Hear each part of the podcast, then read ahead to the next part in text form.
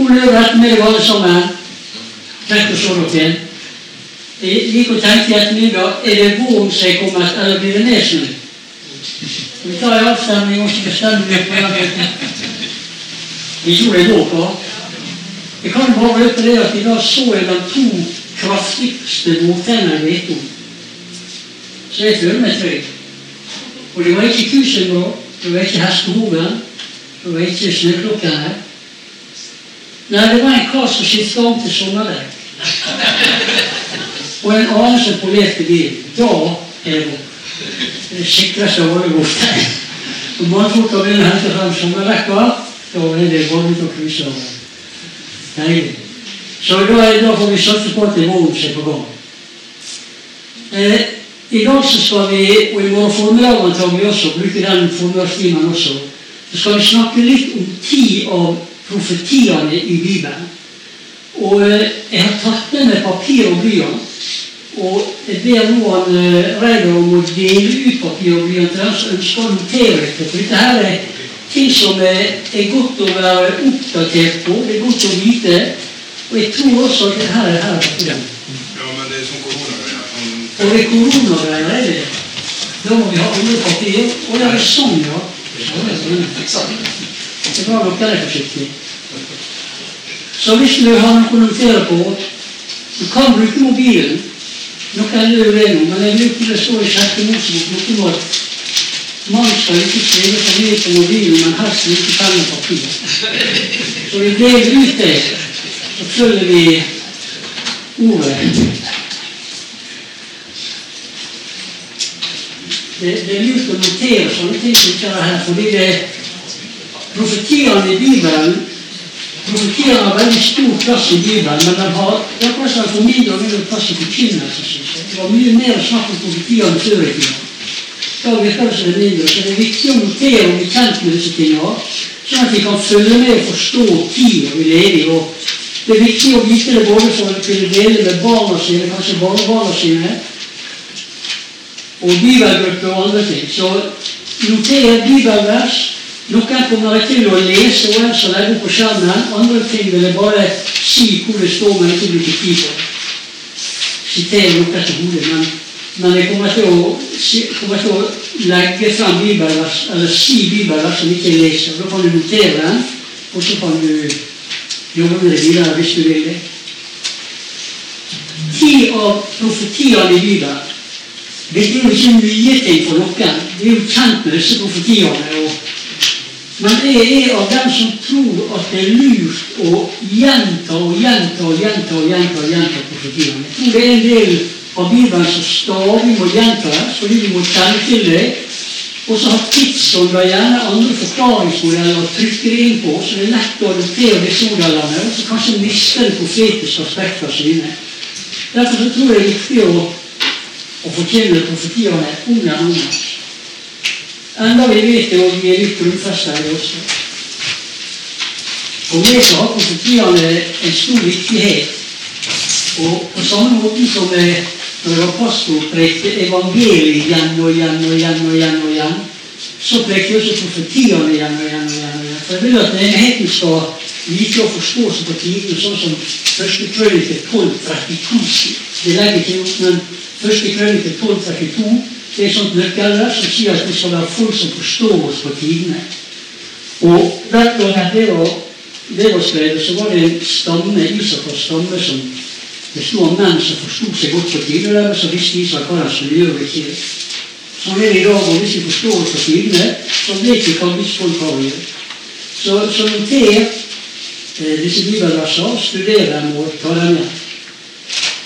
Eh, vi kommer til å begynne i dag med før jeg kommer inn på disse ti profetiene, da jeg skal komme til det etter. Men jeg har lyst til å bare ta med fra og det der øvelsen opp på skjermen. Johannes 14, 29. Johannes 14, 29 er Jesus som sier det til, til disiplene. Ikke, var ikke Johannes 14, 29. Det var en sang. Her kommer det. Er. Ja. Jesus sier, 'Nå har jeg sagt dere før det skjer, for at dere skal tro når det skjer.' Og jeg noterer det er sånn som jobber i Bibelen min og gjør det til arbeidsbok. Og i min margen min her så har det skrevet profetordets hensikt. Jeg har sagt dere før det skjer, for at dere skal tro når det skjer. På mange måter så er jo, er jo den bibelske eh, profetiene historie på forhånd. Ikke Daniels bok og Johannes' åpenbaring har jo lange historiske linjer som er profetert på forhånd. Og når Jesus sier har 'sagt dere det før det skjer', for at dere skal tro når det skjer, så er det fordi at det, når, når både vi som er frelst, ser profetier gå i oppfyllelse, som har vært profetier kanskje i to, to og et halvt tusen år, så plutselig blir det virkelighet, så det kan ikke gjøre noe med troa vår. Styrker troa vår på at der er Gud midt i tida, akkurat som vi har sagt han skal være. Men det er også sånn at ikke-kristne lettere kommer til tro når de får se profetier oppfylt i historien. Jeg noen eksempler på dette underveis. Så dette har vi ligget som en bakgrunn i dag. Nå har jeg sagt dere før det skjer, for at dere skal tro når det skjer. Og Så skal vi ta med altså også eh, apostelgjerningene 3, 19-21. Det er også et sånt grunnleggende bakgrunnsvers. Apostelgjerningene 3, 19-21. Så fatt et annet sinn, sier Peter til jødene her i Jerusalem, og omvend dere, sånn at sinnet deres kan bli utslettet, og, og husvalende eller lindrende tider Merker dere mest på det, altså? Ja, det er ok. Riktig. Kan komme til dere fra Herrens åsyn. Og det neste. Og han kan sende den Messias som på forhånd er utkåret for dere jøder. Jesus. Han som himmelen skal huse inntil de tider da alt det blir gjenopprettet som Gud har talt om med sin hellige profeters munn. Dette er veldig interessant, for Peter sier her at Jesus kommer til å være i himmelen. Nå har han hatt himmelfart, han har steget til himmelen. Der kommer han til å være helt til alt er gjenopprettet som Gud har talt om gjennom profetene i Gamle testamentet. Men da skal også Jesus komme tilbake. Så, så Peter sier her at det, Jesus kommer ikke før det er, før det er et visst tidspunkt i historien hvor gjenopprettelsen skjer, som profetene har talt om. Så, så, Peter sier helt tidlig her Jesus skal komme tilbake, men han kommer ikke ennå. kommer når sånn og sånn har skjedd. Før vi, før vi, går på disse ti profetiene, da, da har jeg bare lyst til å si at en av dem Altså, I Bibelen så trer det frem ei tidslinje. Det er ikke sånn at denne tidslinja står i et spesielt bibelvers. Når du leser Bibelen sine profetier i sammenheng, så trer det frem en historisk tidslinje. Og den tidslinja, denne bibelske tidslinja, den tror jeg det er viktig at vi har i hodet. Sånn at vi kan lese ting som skjer i tida i den profetiske tidslinja. Og den tidslinja da i kort og enkelhet, som er, dere er kjent med, men som jeg gjentar likevel, det er jo at vi ofte snakker om Jesu første komme og han er første tørste vei. Nå tar vi fylle på litt i løpet av ettermiddagen. Snakker om Jesu første komme. Da ble han født i Jerusalem, i, i, barna født i Jerusalem. Da ble han født i Betlehem. Og eh, levde 33 år. Levde på korset for til himmelen. Og så sto englene der og sa at han skal komme tilbake på samme måte. Så vi snakker om et tidsvindu som begynner med Jesu første komme. Og den dagene etter, det ser ut som Bibelen kaller for de siste dager. Kan ikke gå for mye inn på alle disse bibelversene. Men så langt også har vi hatt en tid på et par tusen år etter Jesu første komme og er hjemmefra. Og disse 2000 åra kaller vi gjerne for enten menighetens tid, eller for misjonens tidsalder, eller for Helligåndens tidsalder. Det er litt etter hva slags perspektiv vi legger på det. Og alt vil være sånn i grove trekk riktig. Og det er en periode som har gått over et par tusen år. Bortimot det. Og så vil, det, vil den tida kulminere da Jesus andre kommer. Og Bibelen er helt tydelig på at Jesus skal komme igjen to ganger. Han var her første gangen, han kommer tilbake. Jødene den venter på hans første komme. Men vi vet, og profetiene tyder på, det blir hans andre komme. Og i slutten av den tida før Jesus kommer tilbake for andre gang, så ser det ut som at menigheten vil bli bortvikt på et tidspunkt. Og det er ikke et tidspunkt, det eksakte tidspunkt for menighetens bortbruktelse i forhold til Jesu fysiske komme. Det skal bruke litt tid på antageligvis i morgen, men ikke veldig mye. Men når Jesus har fått den første gang, blir trukket et par tusen år, så kommer han tilbake og skal sette føttene på i der. Det er liksom i grove trekk denne tidslinjen. Men så er det slik at på slutten av denne tidslinjen så vil det være en del profetier som blir oppfylt, som vi kaller for endetidsprofetier. Og det, det, er ti sånne vi kommer til å slukke litt for i dag. Og så tror vi at bortflyttelsen vil skje før Jesus sin fysisk komme. Og at det kanskje Kanskje er det sånn, Vi skal være forsiktige med å være veldig bombastisk, men kanskje er det sånn at det, etter bortflyttelsen av menigheten så vil det komme en syvårsperiode eller omkring det som vil kulminere i den store trengselen, så vil Jesus komme tilbake etter den. Sånn er det grove trekk vi ser det for oss. Og I den store keiserperioden så vil, tror jeg, menigheten være borte. Og, og, det vil være den tida da Antikrist kommer. Og det vil være den tida da tempelet i Jerusalem i alle fall er kommet opp igjen. Og det vil være, den tida da dette dyret merke skal komme. Disse tingene skal vi komme tilbake til, men, men denne tidslinja jeg tror det er viktig at vi har i hodet når vi tolker og forstår hva som skjer i vår tid. Det, er et tidspunkt nå hvor jeg tror at en del av endetidsprofetiene har begynt å gå i oppfyllelse. Det skal vi se litt på i dag. Så, så vi skal ta for oss ti profetier som enten er oppfylt, eller vil leve i oppfyllelsen, eller den kan være i en sånn relativt nær framtid. Så bare før vi tror på disse profetiene, så vil jeg bare si at det der er, der er mange typer profetiske eh, Det er mange typer profetier. Og vi, snakker, vi skiller gjerne mellom de generelle profetiene og så endetidsprofetier. At ikke blander sammen dem. Og blant disse generelle profetiene så er det f.eks. dette som Jesus sier at det dere skal høre krig og rykteomkrig. Folk skal reise seg mot folk, og det skal være eh, rike skal reise seg mot rike. Er det nesten som å snakke om verdenskriger. Men så sier han, og, og så kommer enden og sier men enden er ikke ennå. Altså er ikke dette endelig tegn. Sånn som det ofte blir lagt ut. Men Jesus sier enden er ikke ennå.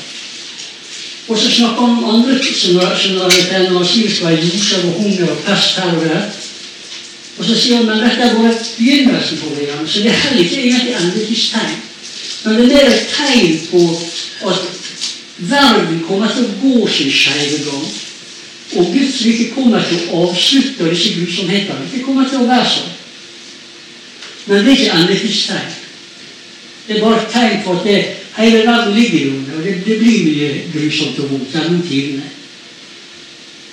Men så har han da disse helt spesielle tidstegnene som innevarsler at vi, er kommet inn den tida før Jesus vil komme tilbake. og Da snakker vi om denne tegn. Og Det er ti sånne tegn jeg har lyst til å komme litt inn på nå. Og nå har jeg blitt mye tid til innledning, men vi skal gi plass til en kopp kaffe underveis òg. Og det er viktig at den ikke inntas med munnbind. Jeg ser så fornøyelig Nei, vi, vi bruker ikke munnbind, munnbind når vi drikker kaffe. Men vi holder koronareglene når vi kommer til det. Så la vi da gå til den første av disse profetiene vi har. Og da må, da må vi snakke om Israels tegn la vi kalle det det. Den første profetien vi stopper for i dag, er Israelstegnet. Og den profetien kommer jeg til å bruke mye tid på nå i første omgang. Men den nye andre vil bli, vil bli for kjappere igjen. Men Israelstegnet, Israelsprofetien, den vil jeg bruke litt tid på. Det er jo sånn at etter at staten Israel ble opprettet i 1948 det er vel antagelig den mest kjente av alle Bibels profetier, som jeg tror blir forstått i de aller fleste, eller i alle evangeliske samfunn. Så er det noen av de store kirkene som ikke ser det helt på samme måte. Men det tegnet er kanskje det aller største og viktigste tegnet. Jesus er jo tydelig på at jødene skal ut.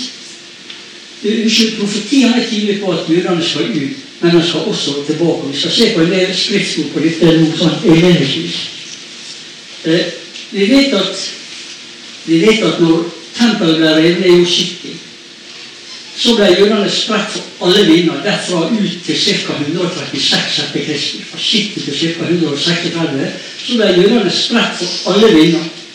Og de spredte seg utover i, i, i landet rundt Middelhavet, nordover i Europa, langt opp i, Russland og langt øst. De spredte seg nedover hele Afrika, fjer, nær, nærøsten, fjernøsten, eh, Australia og, og, og, over til USA, Nord- og Sør-Amerika. Så jødene ble spredt til, til, langt over 100 land. Den historien gjør vi veldig kort. Men Jesus sa også at det jødene skal komme tilbake. Profetenes liv. Jødene skal også komme tilbake. Og en av de profetiene som er tydelig på det, det er den som sier at når Jesus kommer igjen, så skal de skue opp mot han som de har gjennomstått. Så det betyr at når Jesus kommer tilbake, så skal det være jøder i Israel. Da sa ikke Israel har vært tom for jøder, men da skal jødene der. Og den skal snu opp til han som har gjennomsunget når han kom første gangen. Vi skal legge opp Esaias 66 8. Altså. Det, det, er et vers dere må notere. Esaias 66 8. For dette er en profeti som forteller oss at staten Israel ser ut til å skulle bli oppretta på én eneste dag. 66 år. Hvem har hørt slikt, sier profeten? Hvem har sett slike ting? Kommer et land til verden på én dag, og blir et, folk, et helt folk født på én gang? For Sion var i barnsnød, og med en gang fødte det seg sønner.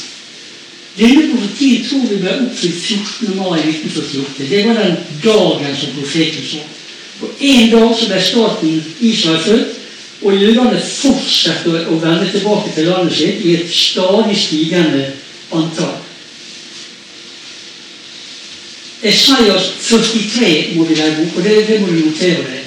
Skal bruke noen bibelverser nå på bare å se på denne tilbakekomsten som profetiene, eller som profetene har talt om. Eh, Esaias 43, 5. Og, og, og litt videre. Eh, Frykt ikke, sier, sier Herren. Så sier han fra østen skal jeg la din ett komme, fra vesten skal jeg samle deg. Jeg skal si til Norden, gi deg dit, til Syden, hold deg ikke tilbake. La mine sønner komme fra det fjerne, la mine døtre komme fra jordens ende. Og hver den som eh, nevner seg nytt eh, Det gjelder hver den som nevner seg nytt navn, og som jeg har skapt til min ære, som jeg har dannet og gjort. Her ser vi at Bibelen kaller dem tilbake fra hele verden, fra alle fire himmelretningene. Og så står det i vers 8, da, dette underlige verset Før fram et blindt folk, selv om de har øyne, og et døvt folk, selv om de har øre. Disse jødene som har kommet tilbake nå i, i tre, tre, fire, fem, seks millioner det er under 1 av disse som er messianske. De har ennå ikke sett Jesus. Dekket ligger over dem. Det er blindt folk som kommer. Akkurat som profeten sier. De kommer, men de er blinde. De har øyne, men de ser ikke, de har ører, men de hører ikke. Så det er bare én liten prosent, knapt det, som er messianske og som tror på sin Messias. Men vi må også si at når jødene kommer igjen, igjen så kommer den igjen for å skje. De kommer blind, men de kommer for å skje. Men det ligger i framtida, og det er det andre profeter som har tatt til orde for. Eh, Jeremias 14 skal vi, skal vi gå til, og det er vers eh, eh Jeremias 16, vers 14 til 16. Fordi at det, når, du, når du da henter hjem jødene, så er det særlig to ting som har skjedd blant dem ute i verden, som har gjort at de på en måte har blitt drevet tilbake til Israel. Jeremias eh, 16, vers 14-16. Hvilket kapittel er en lang, lang sammenheng, men for tida som det må vi bare gå inn på et par-tre enkle vers her. Derfor skal dere komme, sier Herren. Da de ikke lenger skal si så, sier Herren, han som førte Israels barn opp fra Egypten. For det har jødene sagt i, i alle de år. Den feirer påske fordi den er henta igjen fra Egyptens land. Men det skal komme en dag der de ikke lenger skal si det, men skal begynne å si så sant Herren lever, som førte Israels barn opp fra landet i nord. Og for alle den landene som han har drevet dem bort til, og jeg skal føre dem tilbake til deres eget land, det land som jeg ga deres fedre. Eh, vi tror i oppfyllelsesvis, og dette handler om den siste tid, kapittelet her, så tror vi at landet i nord var dette veldig sovjetsamvær som lå ved jordens ytterste ende. Og vi vet at på, på 90-tallet og et lite stykke utover på 80-tallet så henter Gud hjem eh, mer enn én million jøder fra dette som er navngitt den landet Mer enn én million jøder. Kom i løpet av bare 10-12-14-15 år. I forbindelse med, med glasnost og perestrojka så åpna det seg opp, og så fikk de komme tilbake. Og da kom de fra landet i nord. Men de kommer også fra en rekke andre land. Over 100 land. Og, og de har ført den tilbake til det landet som han ga deres fedre. Og så står det litt underlig, da. Måten det skjer. Så jeg en bud etter mange fiskere, sier Herren. Og den skal fiske dem. Altså lokke dem, kan vi si. Fiske dem, prøve å hente dem. Deretter sender jeg bud etter mange jegere, og den skal jage dem bort fra hvert fjell, hvert haug og hver bergplest.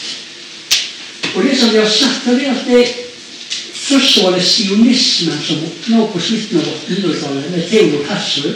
Og sionismen fisker titusenvis av jøder tilbake. Faktisk så mye som en 300 500 000 jøder i løpet av kanskje 60-80 år frem til 1948. I 1940 var det allerede 600 000 jøder tilbake i Israel. Og det var sionismen som fiska tilbake. Men så har vi sett hvordan forfølgelse og motgang og, og grove trusler også har jagd jøder fra mange land. Det har vært både fiskere og jegere. Og ikke minst når landet i nord er nevnt her, så har det vært, vært høyreorienterte, ganske rå, brutale krefter på 90-tallet. Blant annet en, en bevegelse som seg Pamjok-bevegelsen, som var høyreorientert som marsjerte gjennom gatene i Moskva og i, og i St. Petersburg og i disse større byene med jernhæler og, og sånne her nazibanner og, og ropte og trua jødene i gatene i storbyene og ropte 'død over jødene'. Og jødene er live. Så jegerne skremte dem og begynte å jage dem tilbake. Og, på, og, og I løpet av altså 1990-tallet og litt av begynnelsen på 2000-tallet så henta Gud hjem én million jøder ifra landet. Bare i løpet av kort tid. Og da var en rykk av jøder så, så høyt i Israel at Israel klarte ikke å absorbere det. Var store problemer med å, å skaffe boliger og hus til dem. Rett og slett for fort. Men Guds tider var kommet for landet i nord. Og da åpna det seg, og da kom det. Så, så Eh, når jeg var der nede på 90-tallet, så husker jeg at det var så mye jøder som kom inn igjen at de lå i teltleirer utenfor Knesset og protesterte. og jeg hadde ikke hus, hadde ikke bolig, hadde ingenting. Jeg bodde i telt. Og jeg har tenkt mange ganger at det, det veldige innrykket der, det kan ha oppfylt en av profetiene i Isaias 49, eh, som handler om denne sammenhenger, og hvor jødene skal si til hverandre eh, plassen er det for trang flytte seg fra bordet. For det skal være sånn veldig trygt. Og det tror jeg ble oppfylt på 90-tallet. Jeg jeg husker de tre åra innvandrertallet fra dette landet i nord var på det høyeste. Så var det på tre etterfølgende år først 80 000 ett år. Det er enormt. Så var det 180 000 neste år. Og det 150 000 tredje året. Og da, da var ikke apparatet å ta det. Landet Israel er ikke stort større enn gamle Hedmark fylke har lest. Og det, Du kan tenke om Hedmark skulle absorbere 300 000-400 000 mennesker på et par-tre år. Tre-fire år har ikke hatt mulighet. Det klarte ikke Israel heller. Så da ble plassen for trang. Og de begynte å si 'flytt dere, vi skal bo Så det er mange smådetaljer som oppfylles i disse større linjene. Men dette her er en av de profetiene i Bibelen som navngir eksakt et land som jødene skal vende tilbake på, nemlig landet som de tror er dette store Sovjet. Sånn og de kom med, med fisking først. Fisking for så vidt seinere også. Og de kom med at jegerne trua og jaga dem. Skal vi, skal vi ta noen vers før vi slipper fra eh, Jeremias 31, altså. Jeremias 31. Det, det er jo mange profetier i, i Det gamle testamentet som forteller om denne siste samlinga av døde. Men leser av dem for helheten sin del. Dette, dette Israelstegnet er kanskje det viktigste av alle profetiske tidstegn så langt. Derfor bruker jeg bevisst litt tid på dette. Hvis vi legger opp fra vers 1, altså Vi har med oss også. 31. På den tid er det sånn at du kan henge på påfølgende vers etter hvert som jeg leser den. Ja. Eh, på den tid, sier Herren, skal jeg være alle Israels etterskuere, og de skal være mitt folk. Så sier Herren, det folket som er utsluppet fra sverdet, har funnet nåde i ørkenen, og jeg skal gå før Israel til ro. For det fjerner Herren åpenbart seg for meg. Ja, det evige kjærlighet har jeg elsket deg. Derfor har jeg latt min miskunnhet mot deg varig. Og så står det enda en gang skal jeg bygge deg. Og Det er derfor vi tror at dette er siste gangen. Og, og, det er mange ting her som tyder på at dette ikke handler om utgangen fra Babel. og det er det andre profetier som gjør. Men dette handler om den siste utgangen, når jødene skal samles for alle landene.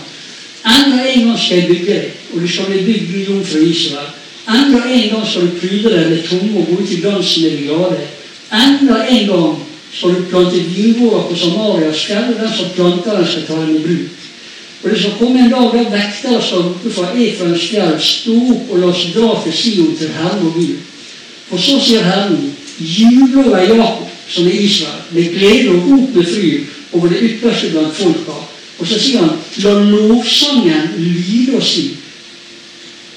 Og så skal lovsangen si, Herre, frels ditt folk, den som fortsatt er igjen av Israel, den som fortsatt ikke henter tilbake. Og som svar på den lovsangsbønna, så sier Gud, se, jeg henter fra landet i nord. Og jeg samler den fra jordens ytterste ende. Det inviterer jo veldig sterkt at vi snakker om dette svære sovjetsamveldet.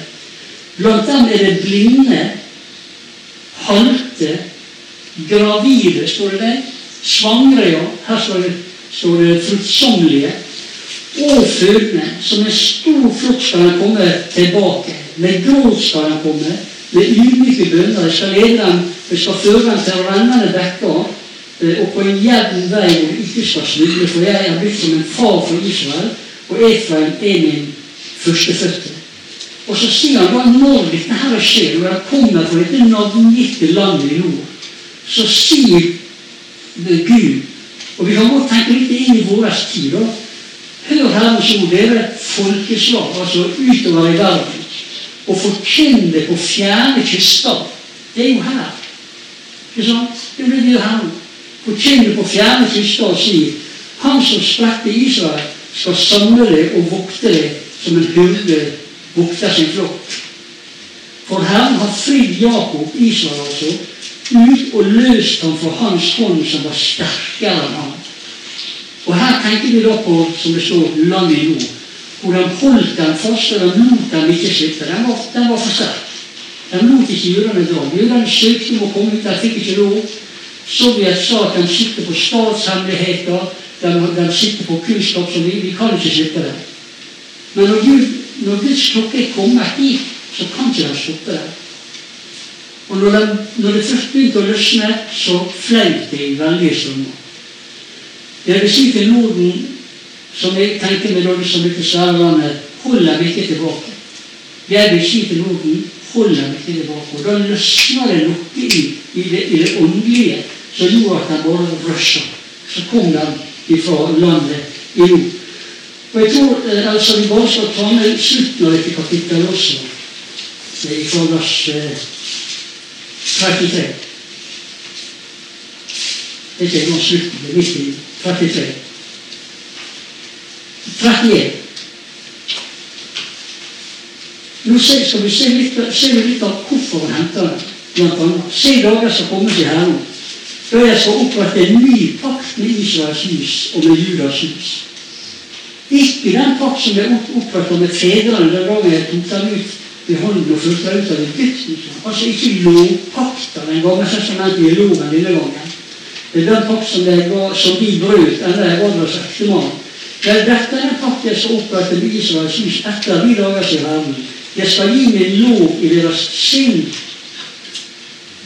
og skrive den i deres hjerte. Og jeg skal være deres Gud, og vi skal være mitt folk. Vi skal ikke mer lære hver sin neste og hver sin bror å si 'kjenn Herren', for alle skal kjenne meg. Store og små, sier Herren. Jeg skal ikke forlate eh, jeg skal ikke forlate deres, no, jeg skal forlate deres misgjerninger og ikke mer komme deres sinn i hu. Så, så det, vi vet fra Paulus også at en dag etter at de er hjem, så skal Gud ta vekk dette dekket og dette sløret som ligger over. Og de kommer hjem for å se. Den er blind, men de kommer for å se. Og da skal de skue opp til han som har gjennomsnor første dagen. Og så skal han stige ned. Og Her får du bare noen skriftord, for vi skal forlate dette nå. Sakarias 12.10. Du kommer hjem. Sakarias 12.10, åpenbaringa 1.7.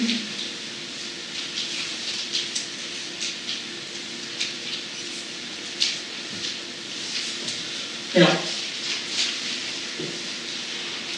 Så eh, skal vi se Jeg tenkte vi skulle runde av eh, eh, Fikk ikke ord omkring kraftbok.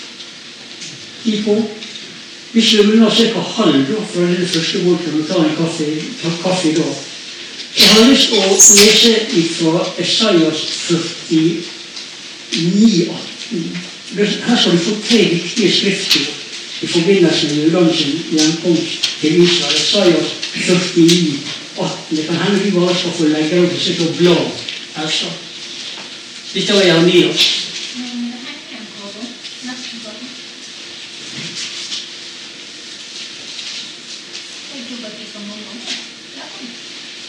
Dobbeltklikker og dobbeltklikker. Her står det 'klikka', da. Fikk du det? Ja. Da går vi på 4918. Se på dette. Dette, dette er jødene sin samling. Hele kapittel, store deler av kapittelet. Løft øynene, Israel. Se dem, sier.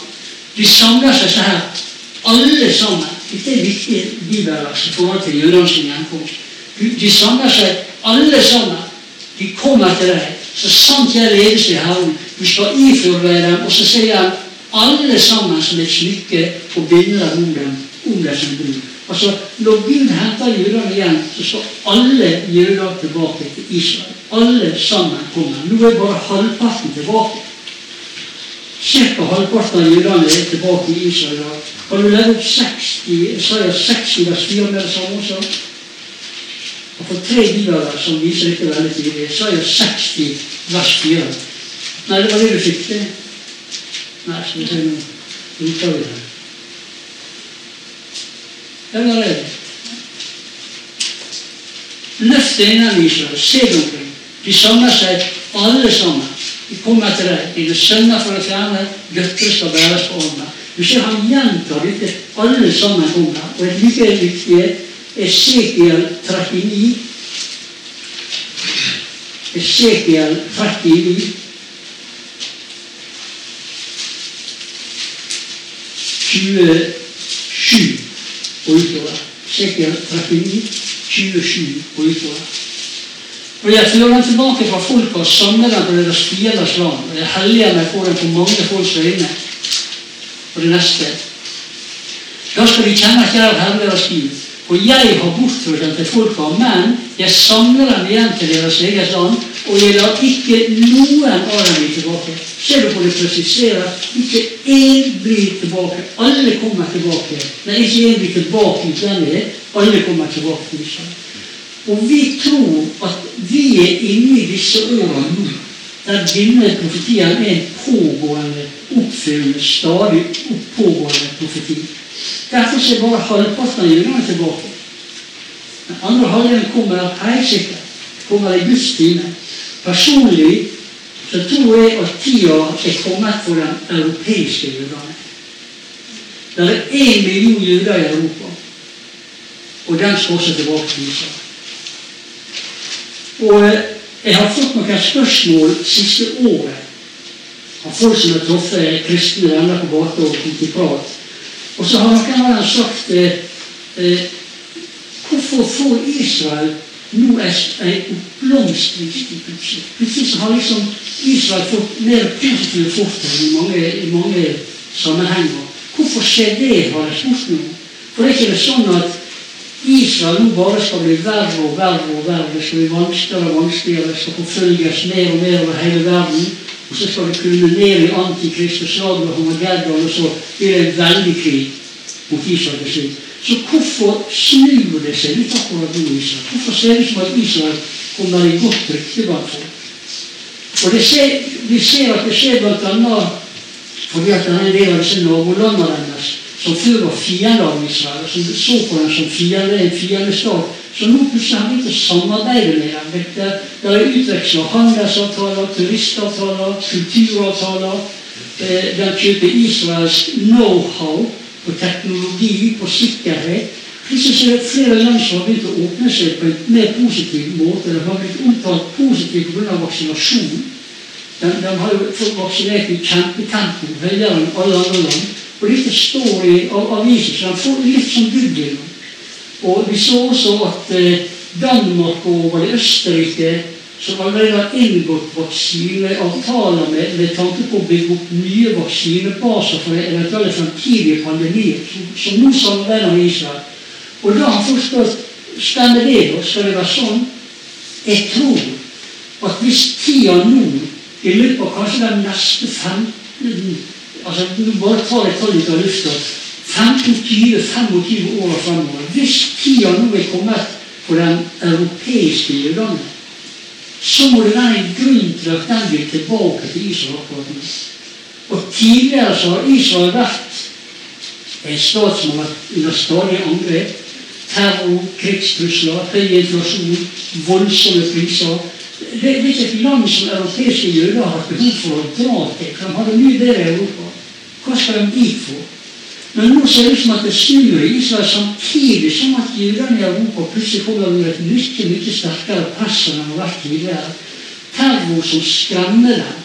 De jødiske miljøene i Europa sier at de er skremt av terroren som skjer. Til og med i Norge som mobbes jøder på, på skolen. Unger får ikke gå i på skolen eh, europeiske jøder forteller at de ikke går med keeper lenger, for de slår ned på høylys dag. Hvis de er keeper, eller de blir, eller den blir eller slår, folk slår keeper lagene, den, De, de pulses med i Europa på en annen måte tidligere. Kanskje disse tingene Nå sier jeg kanskje. Det er helt umulig å si om vi er der. Men jeg tror vi kan være der nå at denne millionen i Europa skal tilbake til Israel. Den tida kan være kommet nå. Nå har, Europa fått et, nå har Israel fått etablert denne millionen fra, fra, fra eh, Sovjet. Det, er roligere. De kan kanskje begynne å ta inn en ny million. Så kanskje det er det de står foran. De skal tilbake, alle sammen. Også Europa gjør det. Nå, fabulerte jeg. Dette, dette sto ikke i Bibelen sånn ordrett at det kom mellom, men nå tenker jeg bare høyt. Kanskje er det som er i ferd å skje. Og den som er i 15-20-25 år, får se. Kanskje det er lenger frem. Men det vi, det vi, også kan si med sikkerhet, det er at de 5,2 millioner som er i USA, de skal også tilbake til Israel. Og når, når den ene millionen i Europa er tilbake, og den 5,2 millionen i USA er tilbake, da er nesten alle jøder i hele verden tilbake i Israel. Da er det bare én million igjen, og den er spredt i mange land. De kommer litt nå og litt over hele tida. Så USA-jødene er kanskje den største, store, massive gruppa jøder som skal samles tilbake. Og også der Jeg har tenkt at kanskje først, først den europeiske, så kanskje USA. Men så ser vi at også i USA nå så topper det som en forfølgelse og, og hersing med jøder. og Den angripes med terror på forskjellige måter. Så den også begynner å bli verre. Kanskje det kommer i en stor bølge. Alt dette er Guds time og i Guds hånd, men alle skal tilbake Og der som er det, får se litt etter. Så jeg tror vi, vi runder av foreløpig der, og så fortsetter vi litt etter et eh, kvarter med kaffe eh, filtrert gjennom munnbind. Eh, hold litt avstand, slik at ikke vi kommer på forsida i avisene. Eh, bruk gjerne munnbind hvis dere står prater nært, og, og la være å prate med. Så er vi forsiktige med hverandre. Så fortsetter vi etter en liten pause. Vær så god.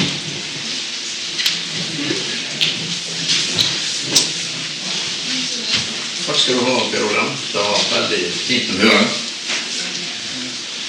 Som sagt så må vi prøve å holde krona og sesjonene slik at vi ikke kommer på avisen og selv, Per Olav. Så det vil stå en kar nede og skjenke ti kaffe, slik at eh, du får kaffe til å ta i pannen. sånn. Så det blir stående en og skjenke kaffe. Så er det litt å bite ned i. Og så tar vi ca. et kvarters tid, og.